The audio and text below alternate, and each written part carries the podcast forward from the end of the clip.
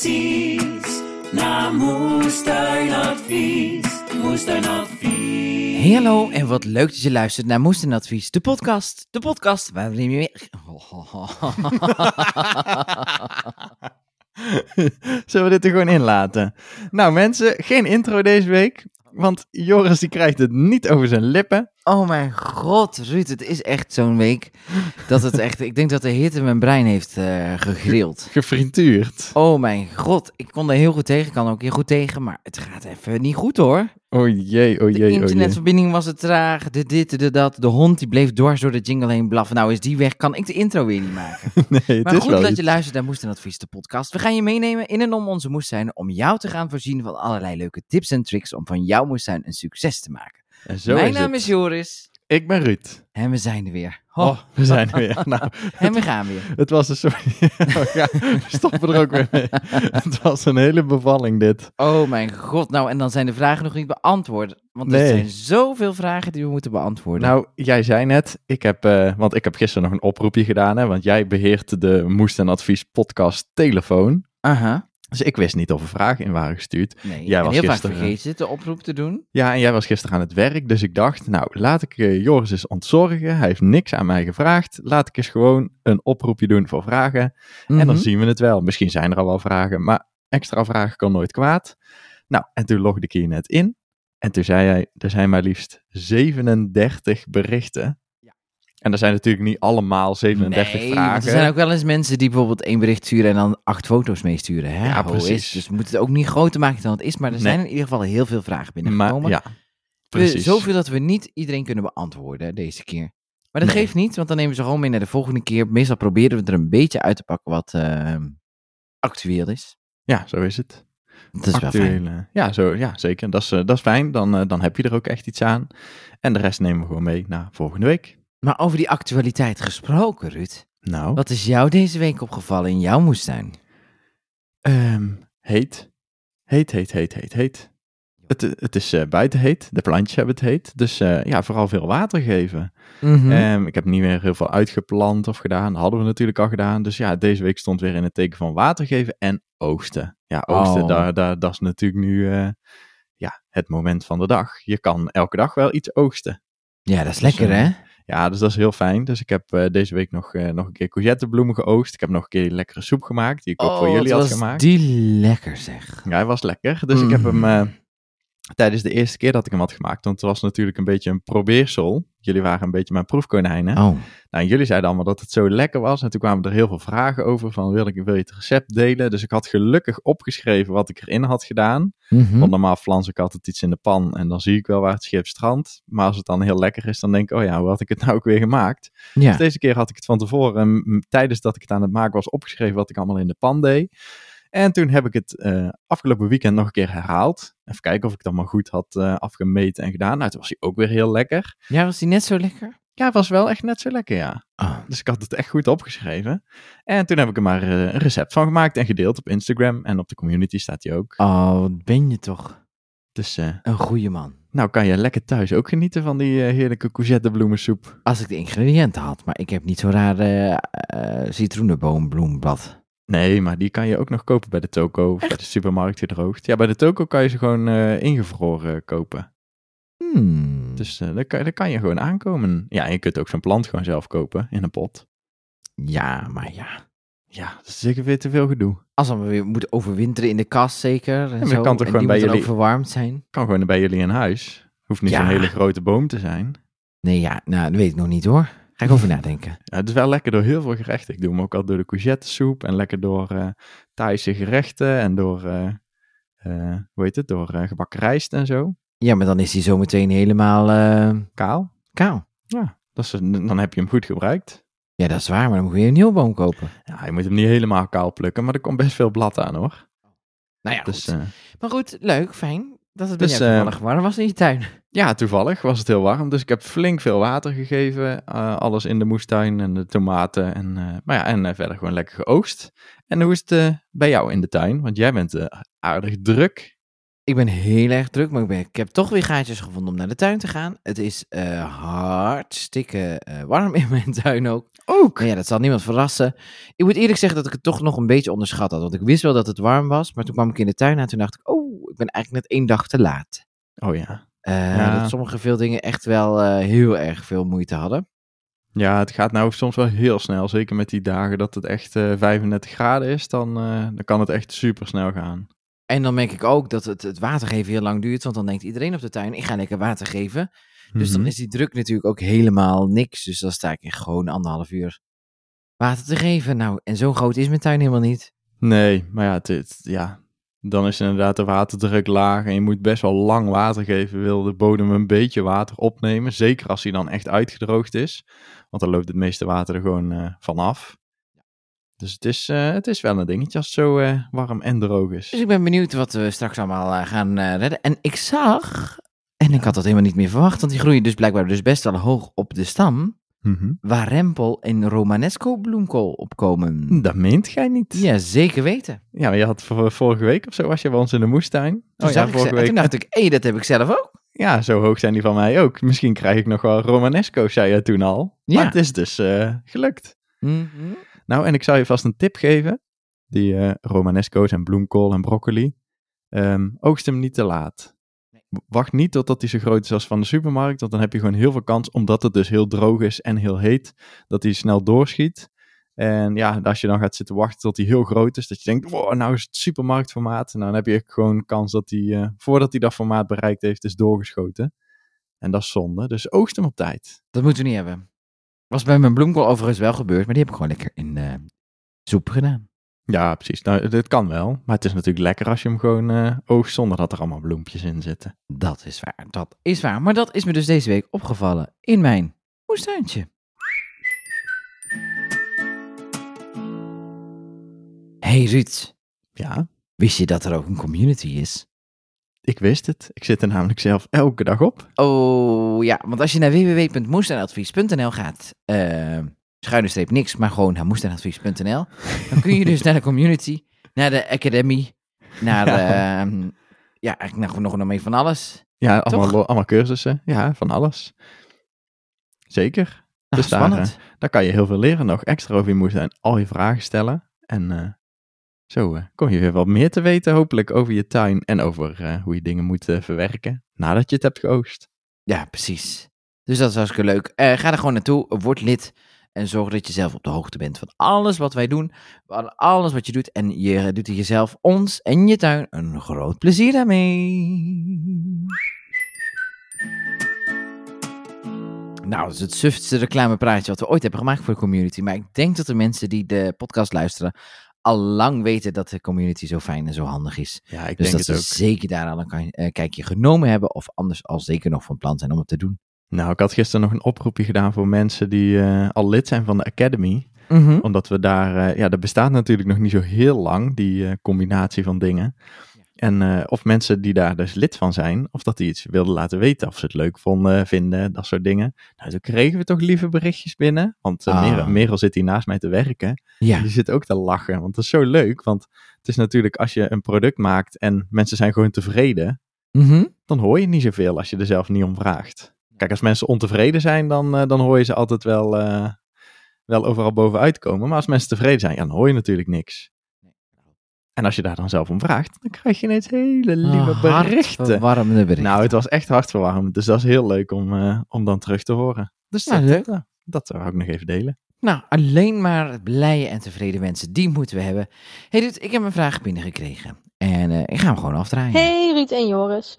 Wij hebben echt een hele goede peperoost dit jaar. Alleen hebben we geen flauw idee wat we ermee moeten. We dachten, ach leuk, plantje, één of twee pepers kunnen overal wel doorheen.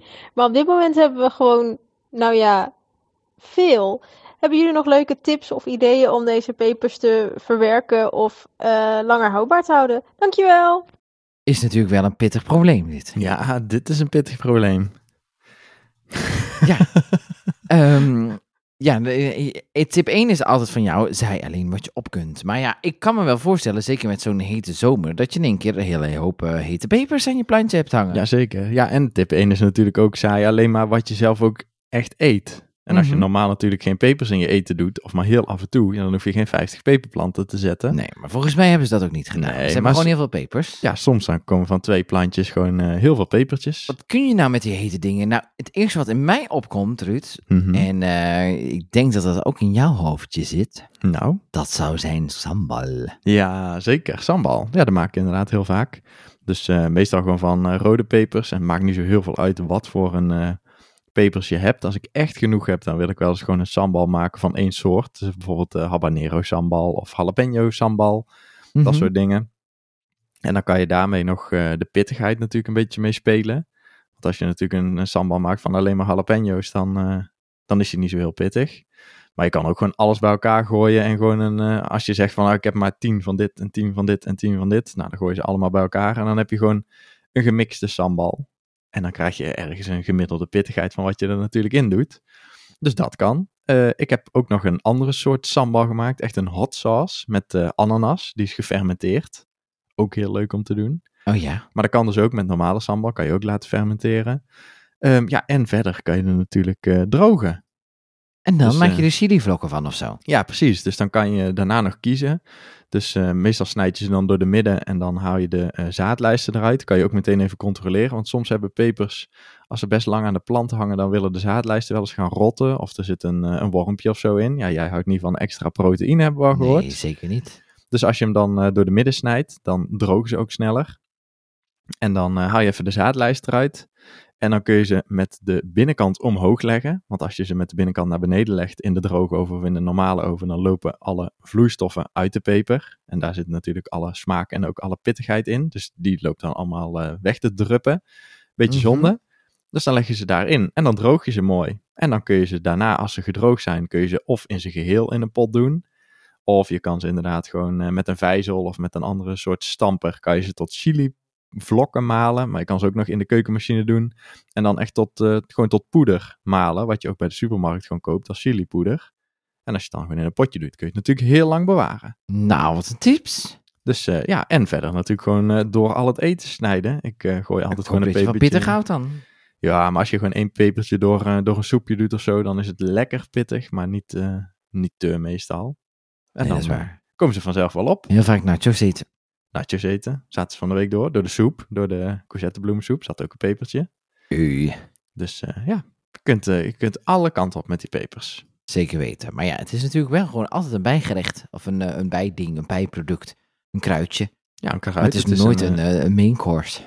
Nou ja, je kan een soort pepersoep maken, maar dan moet je wel echt van pittig houden, denk ik. Pittige pepersoep. Pittige pepersoep. Dat is wel Nee, ja. Ja, nee, maar het is, het is echt een, een aromaat, dus eh, een smaakmaker. Helemaal goed. Dankjewel voor je antwoord. Oh, ik dacht dat ik hem aangeklikt had, maar dat is natuurlijk niet zo. Ja, sorry hoor mensen, dat je vandaag af en toe naar mijn eh, technische gestuntel moet luisteren, maar eh, daar kan ik niks aan doen. Het is gewoon zo'n dag. Het is de warmte. Hallo Ruud en Joris. Allereerst, eh, wat een superleuke podcast hebben jullie. En de Instagram trouwens ook hoor. Met heel veel plezier kijk ik eh, alles elke dag. Ik heb een vraagje. Verbouwen jullie ook dingen zwinters in de kas? Ik heb een klein kastje. Nou, klein. eh 3x3, 3x4, zoiets. Ehm, niet van glas, maar meer van, van plastic, zeg maar. En ik vroeg me af, kan ik ook dingen verbouwen in de winter? Graag tips. Doeg! Hallo, oh, oh, oh, en ze begint Joris. opnieuw. Oh, oh, oh, ze begint opnieuw, maar ze heeft nog wel iets te zeggen. Nog even een eh, extraatje. Dit is het eerste jaar dat ik deze kast heb. Dus ik weet niet hoe koud die, zeg maar, eh, 's winters wordt. Dus dat durf ik niet te zeggen. Of hij onder het vriespunt eh, terechtkomt. Doei doeg! Nou, het is ook nog goed te weten, die eh, kleine aanvulling die we hebben, toch, daarop? Nou, ik denk eh, dat je wel gaat bibberen in de kas. Ja? Ja, als er eh, in principe als er geen verwarming is in de kas en als je daar verder ook niks aan doet. Kijk, sommige mensen maken in een kas nog eh, met noppenfolie of zo, maken ze nog een isolatielaag. Mhm. Maar als je gewoon een kas hebt van glas of van, eh, van plastic en het vriest buiten, dan vriest het in de kas over het algemeen ook. Kijk, 1 graad onder nul, dan zal het meestal in de kas nog wel 0 graden blijven. Maar als het echt gewoon een, een paar dagen lang flink vriest overdag ook, nou dan vriest het in de kas ook. Maar dat is niet erg voor sommige dingen, toch? Nee, voor heel veel planten is het niet erg. Eh, bij ons in de grote kas, daar, staan, eh, ja, daar staat meestal niet heel veel eh, qua groentes. Want daar staan altijd alle planten die wat minder tegen vorst kunnen. Of waar, die ik nog wil laten afharden. Dus daar staan altijd de bananenplanten in. En daar staan de citroenen in. En nog allemaal andere planten die ik gekocht heb in de winter. Die ik nog niet wil uitplanten. Mhm. Dus die staat altijd redelijk vol met allemaal bomen. Ja, en die zorg jij ook wel dat hij niet onder het vriespunt komt, toch? Ja, meestal staat er een eh, hele kleine verwarming eh, in de kas. Voor, eh, ja, echt wel voor de citroenen. En dan hou ik de kas gewoon op 0 graden. En dat hij er daar dus net niet onder komt. Dus die, die verwarming staat bijna nooit aan. Maar als het dan s'nachts echt heel hard gaat vriezen, dan slaat hij af en toe eventjes in. En dan blijft het netjes eh 0 graden of net iets erboven. En dan blijven ook al mijn citroenen die niet heel goed winterhard zijn, toch leven. En ook al kunnen die meeste citroenen niet tegen vorst, ook niet tegen onder de 10 graden. Bij mij gaat het toch altijd wel goed. Oh, gelukkig maar, want er zit volgens mij ook voor een hele hoop centen citroen in, eh, in die kas. Ja, inmiddels staat er voor best wel wat geld aan planten in de kas in de winter, inderdaad. Dat is wel een zure bedoeling, als dat zou... eh, Ja, dat is, Bevriezen. daar word ik niet zo heel blij mee. Maar ja, dat is het risico hè, van plantjes die, die, die wat lastiger zijn. Dat ze een keer doodgaan. Maar, maar dat erbij. dat is eigenlijk niet de vraag. Nee, want in die kas, naast, eh, meestal heb ik nog wel ergens een hoekje over, hebben we nog wat plek. En daar, eh, daar komen dan in die kas, want meestal heb ik het niet voorgezaaid, want ik weet nooit hoeveel plek dat ik heb. Maar meestal zaai ik dan direct nog ergens in november of zo, Ja. zaai ik dan nog eh boerenkool. Die kiemt dan nog wel. En, eh en tatsoi heb ik vorig jaar geprobeerd voor het eerst, omdat tatsoi ook wat beter tegen de kou kan. Mhm. Dus die eh zaai ik dan meestal ergens ja, eind oktober, begin november nog. En dan komt het op. En het fijne van die boerenkool is dat die dan heel langzaam gaat groeien. En dan wordt het eh, de stam en de stengels zeg maar, van de bladeren, die blijven heel mooi dun. Waardoor je ze eigenlijk allemaal kunt opeten. Want normaal als je boerenkool oogst, dan eh, ja, heeft hij al heel de winter lekker staan groeien. En zitten van die hele dikke stengels aan. En dan moet je het schoonmaken. Moet je al die stengels, want die zijn natuurlijk best wel taai, die moet je eruit halen.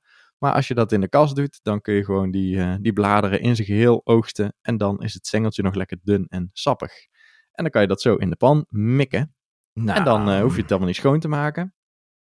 Maar wat natuurlijk ook gewoon prima in de kas kan, zijn andere kolen. Die kunnen ook buiten, maar die kun je ook voor, eh, voor de zekerheid nog voor een gedeelte in de kas zetten. Als je kas verder toch leeg is. Eh, bijvoorbeeld weeuwteelt, bloemkool en broccoli kan. Bloemkool is iets gebruikelijker. En die, eh, nou, die zet je dan eh, ja, ergens eh, ja, over als de tomaten een beetje eruit zijn. Dan moet je wel al de plantjes voorgezaaid hebben. Dus moet je wel al kleine plantjes hebben.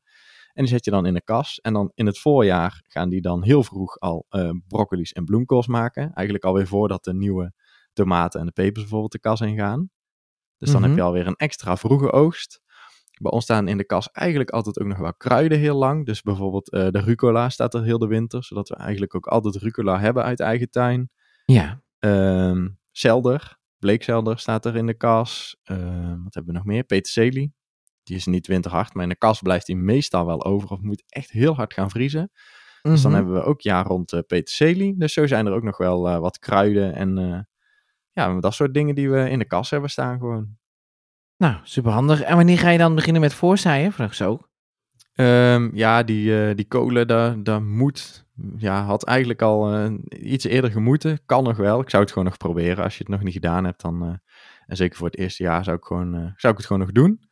En net als die tatsoi en die, die broccoli, of broccoli, die boerenkool, die kun je Ja. echt nog tot heel laat direct zaaien. Maar ja, verwacht Mhm. dan niet dat je na een maand kunt oogsten, want in de winter groeit het natuurlijk heel langzaam. Heel langzaam, toch? Dus als ik het in eh, november ergens, eh, begin november zaai, dan heb ik meestal, eten we dan eerst de broccoli uit de tuin. En dan komt ergens in januari, februari, komt pas echt eh, het grotere blad aan die boerenkool die Oh, in ja. de kast staat. Dus die, ja, die volgt dan eigenlijk de buitenboerenkool op.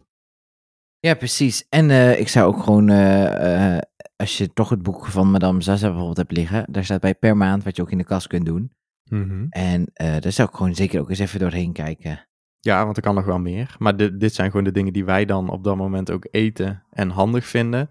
Maar ja, dat wil niet per se zeggen dat er niet nog meer kan. Maar sommige dingen eten wij gewoon minder en dan eh, ja, hoef je ze niet te zaaien. Nee, dat is helemaal waar. Daar heb je helemaal gelijk in. Nou, thanks eh, voor je advies. Hoi Joris en Ruud, Elsa hier. Ik luister elke week met super veel plezier naar jullie podcast en deze week heb ik een vraagje. Ik heb voor in eh, de voortuin allemaal fruitstruiken staan. Ehm, deze heb ik er vorig jaar april ingezet. Ze zijn eigenlijk heel goed gaan groeien en hebben superveel mooi blad gekregen. Ik heb zowel eh, twee plantjes nieuw gekocht bij een kweker als één plant die ik van mijn oma heb gekregen uit haar tuin. Nu is het alleen zo dat het nieuwe blad er een beetje bobbelig en gek uitziet.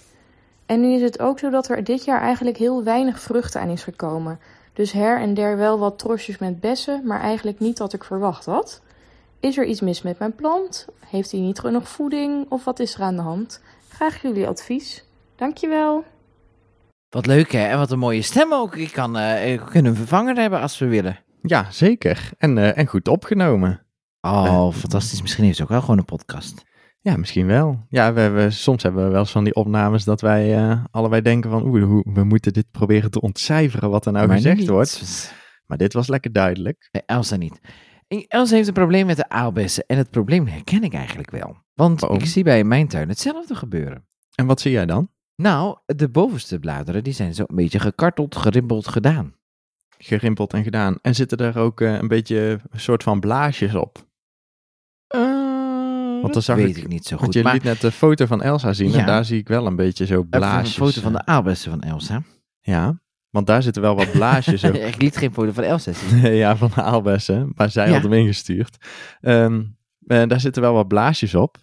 Dat is bij mij ook wel een beetje zo. Ah ja, als ze die van jou er ook zo uitzien, dan weet ik wel wat het probleem is. Weet je wat ik, wat ik denk, maar misschien co- correct me if I'm wrong. Mhm, Bij mij zitten daar in het voorjaar, op het moment dat ze ook op de tuinbonen zitten, Mhm.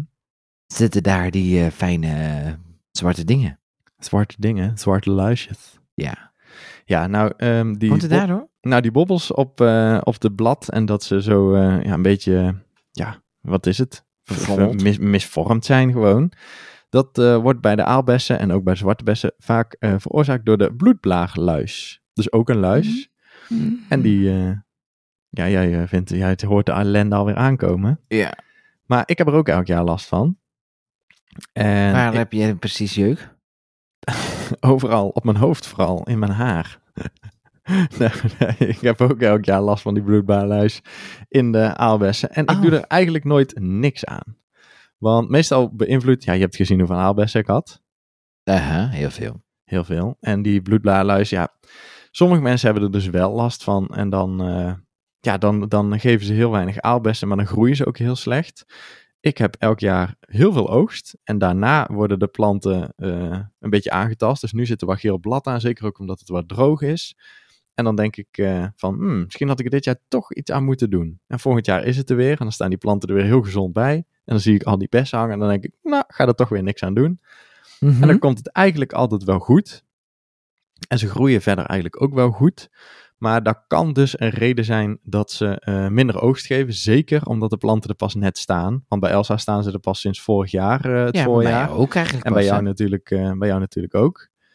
Ehm, dus daar kan er ook een reden zijn, omdat ze natuurlijk nog goed moeten wortelen. En dan hebben ze natuurlijk wat meer last van bepaalde kwaaltjes dan dat planten er al langer staan. Die van ons staan er inmiddels nu voor het vierde jaar of zo. En dan, eh, nou, dan hebben ze gewoon iets meer te zeggen. Dan hebben ze iets meer wortel om vocht op te nemen. Iets meer voedingsstoffen die ze op kunnen nemen. Mhm. En dan, eh, ja, dan kunnen ze iets beter ook tegen zulke eh, ziektes zelf opboksen. Dus ik zou het gewoon volgend jaar eens even aankijken of, eh, of we dan wel bessen willen vormen. En als het volgend jaar nog steeds zo erg is, dan kun je ze op een gegeven moment gaan kijken van, nou, misschien moet ik er iets aan gaan doen. En dan is het makkelijkste eigenlijk om alle aangetaste bladeren zo vroeg mogelijk in het seizoen gewoon er af te gaan plukken. Oké. Dat is eh, meestal het handigst.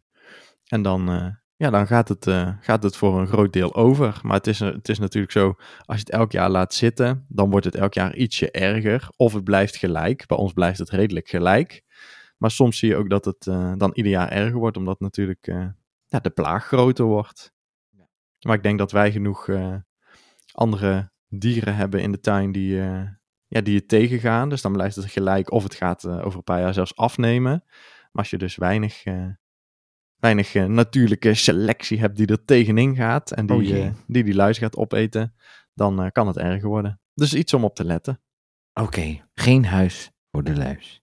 Zo is het. Hey Ruud, hey Joris. Dit is Jules van, eh, uit Middelburg. Ik zit hier gezellig met mijn vriendinnetje Anja in de moestuin. Hallo Anja. Hoi.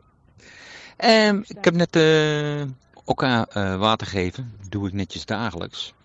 Maar het is alsof al die blaadjes allemaal ingevouwen blijven. En of er een beetje kale plekken in eh, vallen. Hebben jullie advies? Moestuinadvies? Dankjewel. Groetjes uit Middelburg. Oh, altijd zo leuk om die stem, een mooie stem uit Middelburg te horen. Nou, en Jules heeft nog iets aangeboden ook nog. Oh ja, je gaat op vakantie en dan eh, misschien ga ik wel met hem opnemen. Nou, wie weet, wie weet. Ja, precies. Ja, Want ja, wij zijn allemaal natuurlijk, wilde eh, plannen natuurlijk. Dus wie weet, eh, ik weet niet of het er helemaal in past, maar we gaan het zien. Ja, we gaan het zien. Ja, ik heb, eh, ja jij hebt, eh, neemt de, de podcast helemaal over natuurlijk. Wij zijn vier weken weg. We, we proberen gewoon eh, vooruit nog iets op te Oh, het nemen. komt helemaal maar goed. De jij hebt ook nog, in mijn hoofd. zel- eh, als ik al een planning in mijn hoofd heb, nou, nou, dan moet het helemaal goed komen. oei, ja, dan, dan ga maar aan de kant als Joris een Oh, planning oh, heeft. oh. Dat heb ik nooit. Nou, Nee, daarom. dat is al heel wat. ja, Nee, dat gaat, gaat vast goed komen. En anders dan heeft Jules aangeboden in ieder geval nog als, eh, als backup te dienen. Ja, nou, wie weet. Dus eh, nou, we, gaan het wel zien. Ik ga het ook wel horen. Ik kan lekker in Amerika luisteren naar uh, Moest dan Advies de podcast. Moet ik het dan op zijn Engels doen? Nou, Hello. nee, ik kan nog steeds wel Nederlands dan hoor. Oh ja. Dus eh, nou, dan kunnen wij lekker luisteren eh, als we een keer in de auto zitten. Maar goed, daar ging de vraag helemaal niet over. Nee, de vraag ging over water geven. Heb jij een Aan? foto? Van Jules of de vriendin van Anja? nou, van Anja is ook leuk, maar... Heb eh, ik. Oh, die heb je Heeft hij gewoon. meegestuurd? Nou, wat leuk. Nee, ik vind het wel leuk als mensen zo samen lekker naar de moestuin gaan. Wij doen dat natuurlijk ook wel eens. Even kijken. Wat, wat ik, zie, ik zie eh, planten, maar welke planten zie ik? Het is toch Okka? Oh, het is Oka. Ja, daar, heeft de- hij, daar heeft hij het over. ja, precies. Dat blad inderdaad, dat krult heel erg naar binnen. Ja, doen ze bij mij ook. Maar eh, dat doen ze gewoon omdat het heel warm is. Ja. Dus dat, eh, Is Dat dat, is de het. vraag? Antwoord. Nou, eh, er zijn natuurlijk allemaal planten, net als. eh eh, eens even bedenken, wat is een goed voorbeeld? Nou, in ieder geval de zoete aardappel eh, is Ja. natuurlijk tropisch, maar ook de oka en de krosnee en de Chinese yam zijn allemaal een beetje planten die uit tropische gebieden komen. En die Mhm. zijn dus gewend. Ik zit even te denken, ik had van de week nog een goed voorbeeld van iemand die ook een vraag stelde over een tropische plant. Maar ehm, nee, ik weet niet meer wat het over ging. Maar in ieder geval, die planten die zijn natuurlijk, eh, die komen uit het tropisch gebied waar het heel warm is. En vaak denken wij dus, oh, eh, tropisch gebied, dan moet het eh, 35 graden zijn en dan doet die plant het wel. Want ze hebben veel warmte nodig. En dat hebben ze natuurlijk ook nodig, maar in tropische gebieden is vaak ook de luchtvochtigheid eh 99, eh 100 procent. Oh ja. En daar zijn die planten dus ook wel blij mee, want daar zijn ze aan gewend. Dus het is heel warm, maar ze hoeven ook heel weinig te verdampen. Want er zit al heel veel vocht in de lucht. Dus ze raken ook niet heel veel vocht kwijt door het blad. Nou, en als je die planten dan eh, lekker naar Nederland haalt, en dan is het hier ook ineens 35 graden. Maar zeker omdat het ook nog eens zo droog is hier, is de luchtvochtigheid een stuk lager. Ja. Want ja, volgens mij zit de luchtvochtigheid nu rond de 50 of 60 procent of zo. Ik heb geen idee, maar gisteren was het heel heftig. Ja, het is, eh, dus de, de luchtvochtigheid, het is gewoon best wel een droge lucht hier. En als dan die warmte op die planten staat eh, te branden, dan, eh, ja, dan gaan ze natuurlijk hier veel meer verdampen dan dat ze in de tropen zouden doen. En ja, wat krijg je dan? Dat de blaadjes slap gaan hangen of naar Oh binnen jee. krullen, omdat die plant gewoon zichzelf wil beschermen tegen die verdamping. En eigenlijk is het dus een heel mooi mechanisme, zeker van die, die oka, om zijn blad gewoon, wat hij normaal zeg maar helemaal open zou zetten om zoveel mogelijk zon te vangen, dat hij daar nu eigenlijk een beetje gaat sluiten om minder zon te vangen, zodat hij minder water verdampt. Ja, dat die denkt, pak die buurman maar, pak die Ja. prei maar. Pakt die prima, want die kan dat niet. Die heeft het trucje niet geleerd. Aha. Want die is gewend om gewoon in Nederland te staan met eh, maximaal 25 graden en elke zomer eh om de week regen. Ja, die kan zich maar minder makkelijk aanpassen. Dus ja, vandaar dat eigenlijk die bladeren eh, naar binnen krullen. En dan zie je dus bij meer tropische planten, bij bananen doen het ook. Ehm, ja, waar zijn planten die nog meer doen? Nou, in ieder geval, eh, dat, dat, dat gebeurt dus. En dan Maar dat is niet wel, erg eh, dus. Nee, het is niet per se erg. Het is wel erg als ze echt geel worden of verdorren. Dan is er natuurlijk wel, eh, wel iets aan de hand. Maar geef ze gewoon voldoende water. En vaak zie je dus ook bij dit soort planten dat ze tegen de avond, als het wat gaat afkoelen en de zon die verdwijnt bijvoorbeeld achter de bomen, dat ze dan het blad weer openklappen. Om dan juist wel de zonnestralen op te vangen. Dus je kunt aan de meeste planten, eh, maar bijvoorbeeld eh, courgettes en eh, pompoenen en zo doen het ook. Hè. De blad hangt heel snel slap. bij mij in de kas ook, als ik dan kijk naar de komkommers en dan kijk naar de hele grote blad, ja, als ik midden op de dag ga kijken, dan is het gewoon zo. Ja, Dan- oh, dan- snijbiet. Snijbiet, doet Ik het ook. altijd sleppen heb. Ja, slappe hap. Heel groot blad, heel veel verdampingsoppervlak, droge lucht. En dan verdampt al het vocht uit het blad. En dan hangt het slap. Maar als je dan s'avonds of 's ochtends vroeg op de moestuin komt, dan staat het weer mooi overeind. Want dan hebben ze zichzelf weer volgepompt met water. Kunnen ze weer even fotosynthese doen. En dan eh, wordt het weer heet. En dan hup, water weg, vloep, blad slap. En dan is er eigenlijk niet zoveel aan de hand, zolang als hij dan s'avonds en s'nachts maar weer voldoende water op kan nemen, dat het blad weer mooi overeind kan komen. Dus Ja, dat, eh, ja, zolang dat gewoon gebeurt, is er niks aan de hand. Maar wil je dus die planten checken, zeker bij komkommer en pompoen en zo. Check dan vooral eh, in de ochtend, als ze de hele nacht weer water hebben kunnen opnemen. En staan de bladeren dan gewoon mooi recht en volgezogen met water. Nou, dan hebben ze in ieder geval genoeg water gehad. Maar kom je 's ochtends aan, na een hele nacht, zeg maar, eh, water opzuigen. En ze hangen dan nog slap. Nou, dan weet je, ik moet echt veel meer water gaan geven. Want dan hebben ze echt watertekort. En als ze dan dus ook weer helemaal slap een nieuwe dag ingaan. En dan komt de zon weer. En dat gebeurt een paar dagen. En dan kun je je wel voorstellen, dan verdampt ook nog het restwater wat in het blad zit. En dan krijg je op een gegeven moment verbranding. En dan, eh, ja, dan is het gebeurd met het blad. Hey, heel even stomme, stomme vraag, maar wat kun je nou met zo'n oka-knolletje? Een oka-knolletje. Wat dacht je van in je mondje stoppen? Nee, die kan je gewoon opeten. Ja, maar wanneer? Wanneer? Aan het einde van het seizoen. Dus met heel veel van die eh, groentes is natuurlijk, ja, die hebben een, een tropisch seizoen, dus heel veel warmte nodig. En nou is het hier nogal een tropische temperatuur. Dus ik denk dat het dit jaar ook wel goed komt met de zoete aardappel en eh, de oka en de krosnee en dat soort dingen. Maar eh, ja, het is eigenlijk gewoon hetzelfde als aardappel. Je wacht gewoon tot eh, bij aardappel tot de plant afsterft. En deze dingen die zullen allemaal gewoon blijven groeien tot het echt te koud gaat worden. Dan gaan ze stilstaan en als het gaat vriezen, dan vriest de plant dood. Maar je wacht dus met al die dingen zo lang mogelijk. Je wil ze een zo lang mogelijk groeiseizoen geven. En wanneer het dan, eh, ja, ik verwacht dit jaar, eh, ik hoop ergens begin november pas, dat, eh, dat dan het een beetje koud begint te worden. En dan ga je ze oogsten en dan haal je die knollen uit de grond. En dan kan je een lekker gerecht zoeken wat je ermee kan maken. Zoals? Nou ja, net als de krosnee, eh, die kan je, dat zijn van die hele kleine dingetjes. Nou, die kan je on- ongeveer hetzelfde gebruiken als aardappel. Voor de oka geldt ook hetzelfde. Ook een soort aardappelknol. Nou, een zoete aardappel kennen we allemaal inmiddels wel, gewoon van de supermarkt. Die, eh, die kunnen ook in de oven, dat soort dingen. Dus ja, je kan er van alles mee.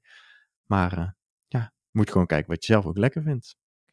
Nou, mooi. Ik wist het niet, nog nooit van gehoord. Of gezien. Nu wel. Misschien kun je er ook wel een drankje van maken.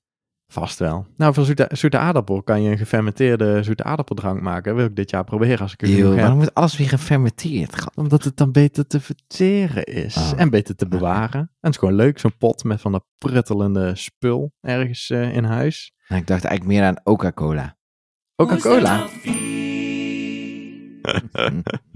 Wauw, wat een punchline. Hallo Joris en Ruud. Eh, hier Marlies. Volgende vraag. Ik had dit jaar een beetje moeite met de wortels die ik zaaide en daar kwam maar niks op. En nou, het duurde inderdaad erg lang. Uiteindelijk is er toch van alles opgekomen. En nu ik de wortels eruit haal, zijn ze helemaal door elkaar gedraaid of hebben ze zich heel vlak over de grond een wortel gevormd en de prachtigste vormen. Maar niet één die echt, echt een grote wortel geworden is. Nu hoorde ik van iemand dat hij altijd dieper de grond losmaakt, dan de grond weer dichtgooit en dan heel ondiep het zaadje plant. Maar jullie praten ook over no-dig methode. Helpt dit? Is dit ook via de no-dig methode de manier om wel de wortels naar beneden te laten groeien? Ehm, hoe zit het met schorseneren bijvoorbeeld of met pastinaak? Is het een goede oplossing om de grond daaronder eh, los te maken? Ik hoor het graag. Groetjes. Ja, die losse grond, dat is belangrijk hè, voor wortelen. Ja, voor heel veel planten natuurlijk, want de wortels moeten naar beneden kunnen. En als ze op een soort van eh, betonlaag uitkomen na 10 centimeter, Mhm. dat is vrij moeilijk om daar eh, doorheen te wortelen natuurlijk. Mhm. Dus eh, ja, een paar leuke dingen denk ik in deze vraag om eh, even uit te leggen. Want we Ja. hebben het natuurlijk wel vaak over de no-dig methode. Die gebruiken wij zelf ook. Want ja, je hoeft niet per se allemaal te graven om eh, de bodem los te maken. Maar er, zit dus, er zitten dus wel wat nuances in. Want eh no dig is gewoon niet spitten. En spitten is dan een kerende grondbewerking. En daarmee ga je met schep in de grond. Ja. En dan haal je een schepje omhoog en dan gooi je hem om. Dus wat het diepste in de bodem zit, komt bovenop te liggen. En wat helemaal bovenop lag, komt onderop te liggen. Ik weet niet of ik dit al een keer uitgelegd heb in de podcast. Doe- maar... eh, Doe het nog maar een keer. Ehm, dus eh, je gaat echt de bodem omkeren. En wat, eh, waar dat voor zorgt, is dat de bacteriën die diep in de bodem zitten en de schimmels, die zijn zuurstofarm. En die leven dus heel diep in de bodem, omdat daar weinig zuurstof is. En Ja. in de bovenste laag van de bodem, daar zitten bacteriën die zuurstofrijk willen leven. Daarom zitten ze bovenaan in de bodem, omdat daar veel zuurstof beschikbaar is. Mhm. Nou, je kan je voorstellen, als je natuurlijk die bodem gaat draaien, Nou, ja, het is een beetje- het is een beetje hetzelfde als dat wij ineens in de zee moeten gaan leven en de vissen op het land moeten gaan leven. Ja, daar wordt ook niemand blij van. En dat is dus eigenlijk wat je met die bodem doet. Je verstikt de bacteriën die veel zuurstof nodig hebben door ze te begraven. En die weinig zuurstof nodig hebben, die gooi je bovenop waar ze te veel zuurstof krijgen en daardoor doodgaan. En daardoor sloop je eigenlijk compleet je hele bodemleven. Dat is niet goed. Nee, dat is niet goed. Dus vandaar hebben we op een gegeven moment bedacht, we gaan niet meer spitten, we doen no dig. Maar no dig betekent natuurlijk niet dat je niet met je handen een beetje in die bodem mag zitten of met een gereedschapje. Je moet er alleen voor zorgen dat je niet die bodemlagen gaat verstoren, dat je 30 centimeter diep of een halve meter diep die bodem omhoog gaat halen. Maar je mag natuurlijk wel gewoon met een, eh, een woelvork bijvoorbeeld eh, in de bodem prikken en dan een beetje wiebelen om op die manier de bodem wel los te maken, maar je draait hem alleen niet om. Dus dat, eh, dat, dat kan wel, om de bodem dus los te maken.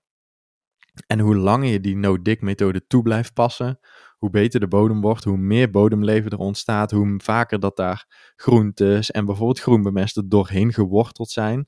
En al die wortels, als er natuurlijk een, eh, een dikke wortel van bijvoorbeeld eh, een wortel, pakken we die meteen, Ja. als die lekker zo naar beneden is gegroeid en je trekt hem daarna eruit, dan ontstaat daar natuurlijk zo'n gang in de bodem. ja. En in die gang, daar kan weer lekker water naar beneden lopen. En op een gegeven moment gaat die gang natuurlijk wel weer een beetje dicht met grond. Maar op die manier wordt die bodem natuurlijk wel steeds ieder jaar losser. Dus hoe langer je de no-dig methode blijft toepassen, hoe beter je bodemleven wordt, maar ook hoe losser je grond wordt. Want je moet er daarna natuurlijk niet ook steeds overheen gaan lopen of met de machine overheen gaan rijden. Nee, die bodem die kan zichzelf natuurlijk loswerken door de planten die er doorheen gaan wortelen en door de bacteriën die erin zitten. En op die manier krijg je ieder jaar een steeds betere en lossere bodem. Want ja, dat is wel echt het probleem van Marlies. Als je wortels gewoon heel oppervlakkig blijven en ja, bijna zeg maar horizontaal gaan groeien. En dan zijn ze gewoon op een, eh, een, een ver- verdichting in de bodem gestuit. En dan, eh, ja, dan willen ze daar niet doorheen wortelen. En dan gaan ze of naar links of naar rechts. En dan eh, ja, gaan ze allemaal door elkaar groeien. ja, dan staat, staat er op camps naast je moestuin. ja. En eh, ja, dan krijg je dus allemaal eh, rare vormen aan de wortel, omdat die niet eh, lekker naar beneden kan groeien. Dus ja, zo zit het een beetje. Dus no-dig werkt, werkt heel goed. Maar no-dig is echt een methode die je voor de lange termijn gaat toepassen. En dan wordt de bodem dus steeds beter. Maar als je op het begin merkt, nou, mijn wortels die willen niet lekker. Mijn pastinaken, mijn schorseneren, het wil allemaal niet lekker naar beneden. Nou, dan kan je natuurlijk gewoon die woelvork pakken om die bodem wat los te maken zonder hem om te keren. Ja, een beetje lekker wiebelen. Een beetje wiebelen. Kom op, kom een eindje. Moestuinadvies. Hoi Joris en Ruud. Ehm, op de plek van mijn moestuin stond al een boompje en nu komen hier appels aan. Hoe weet ik of deze appels eigenlijk wel eetbaar zijn? Hoe weet je überhaupt bij planten welke vruchten eetbaar zijn? Ik heb namelijk ook wel eens een citroenboompje gekregen waarop stond niet voor consumptie, maar zijn er eigenlijk wel niet eetbare citroenen?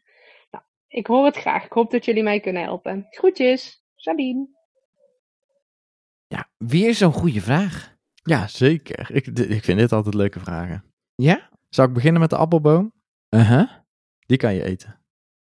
Kun je alle appels eten? Ik kan alle appels eten. Echt? Ja. Sierappels dan? Ook.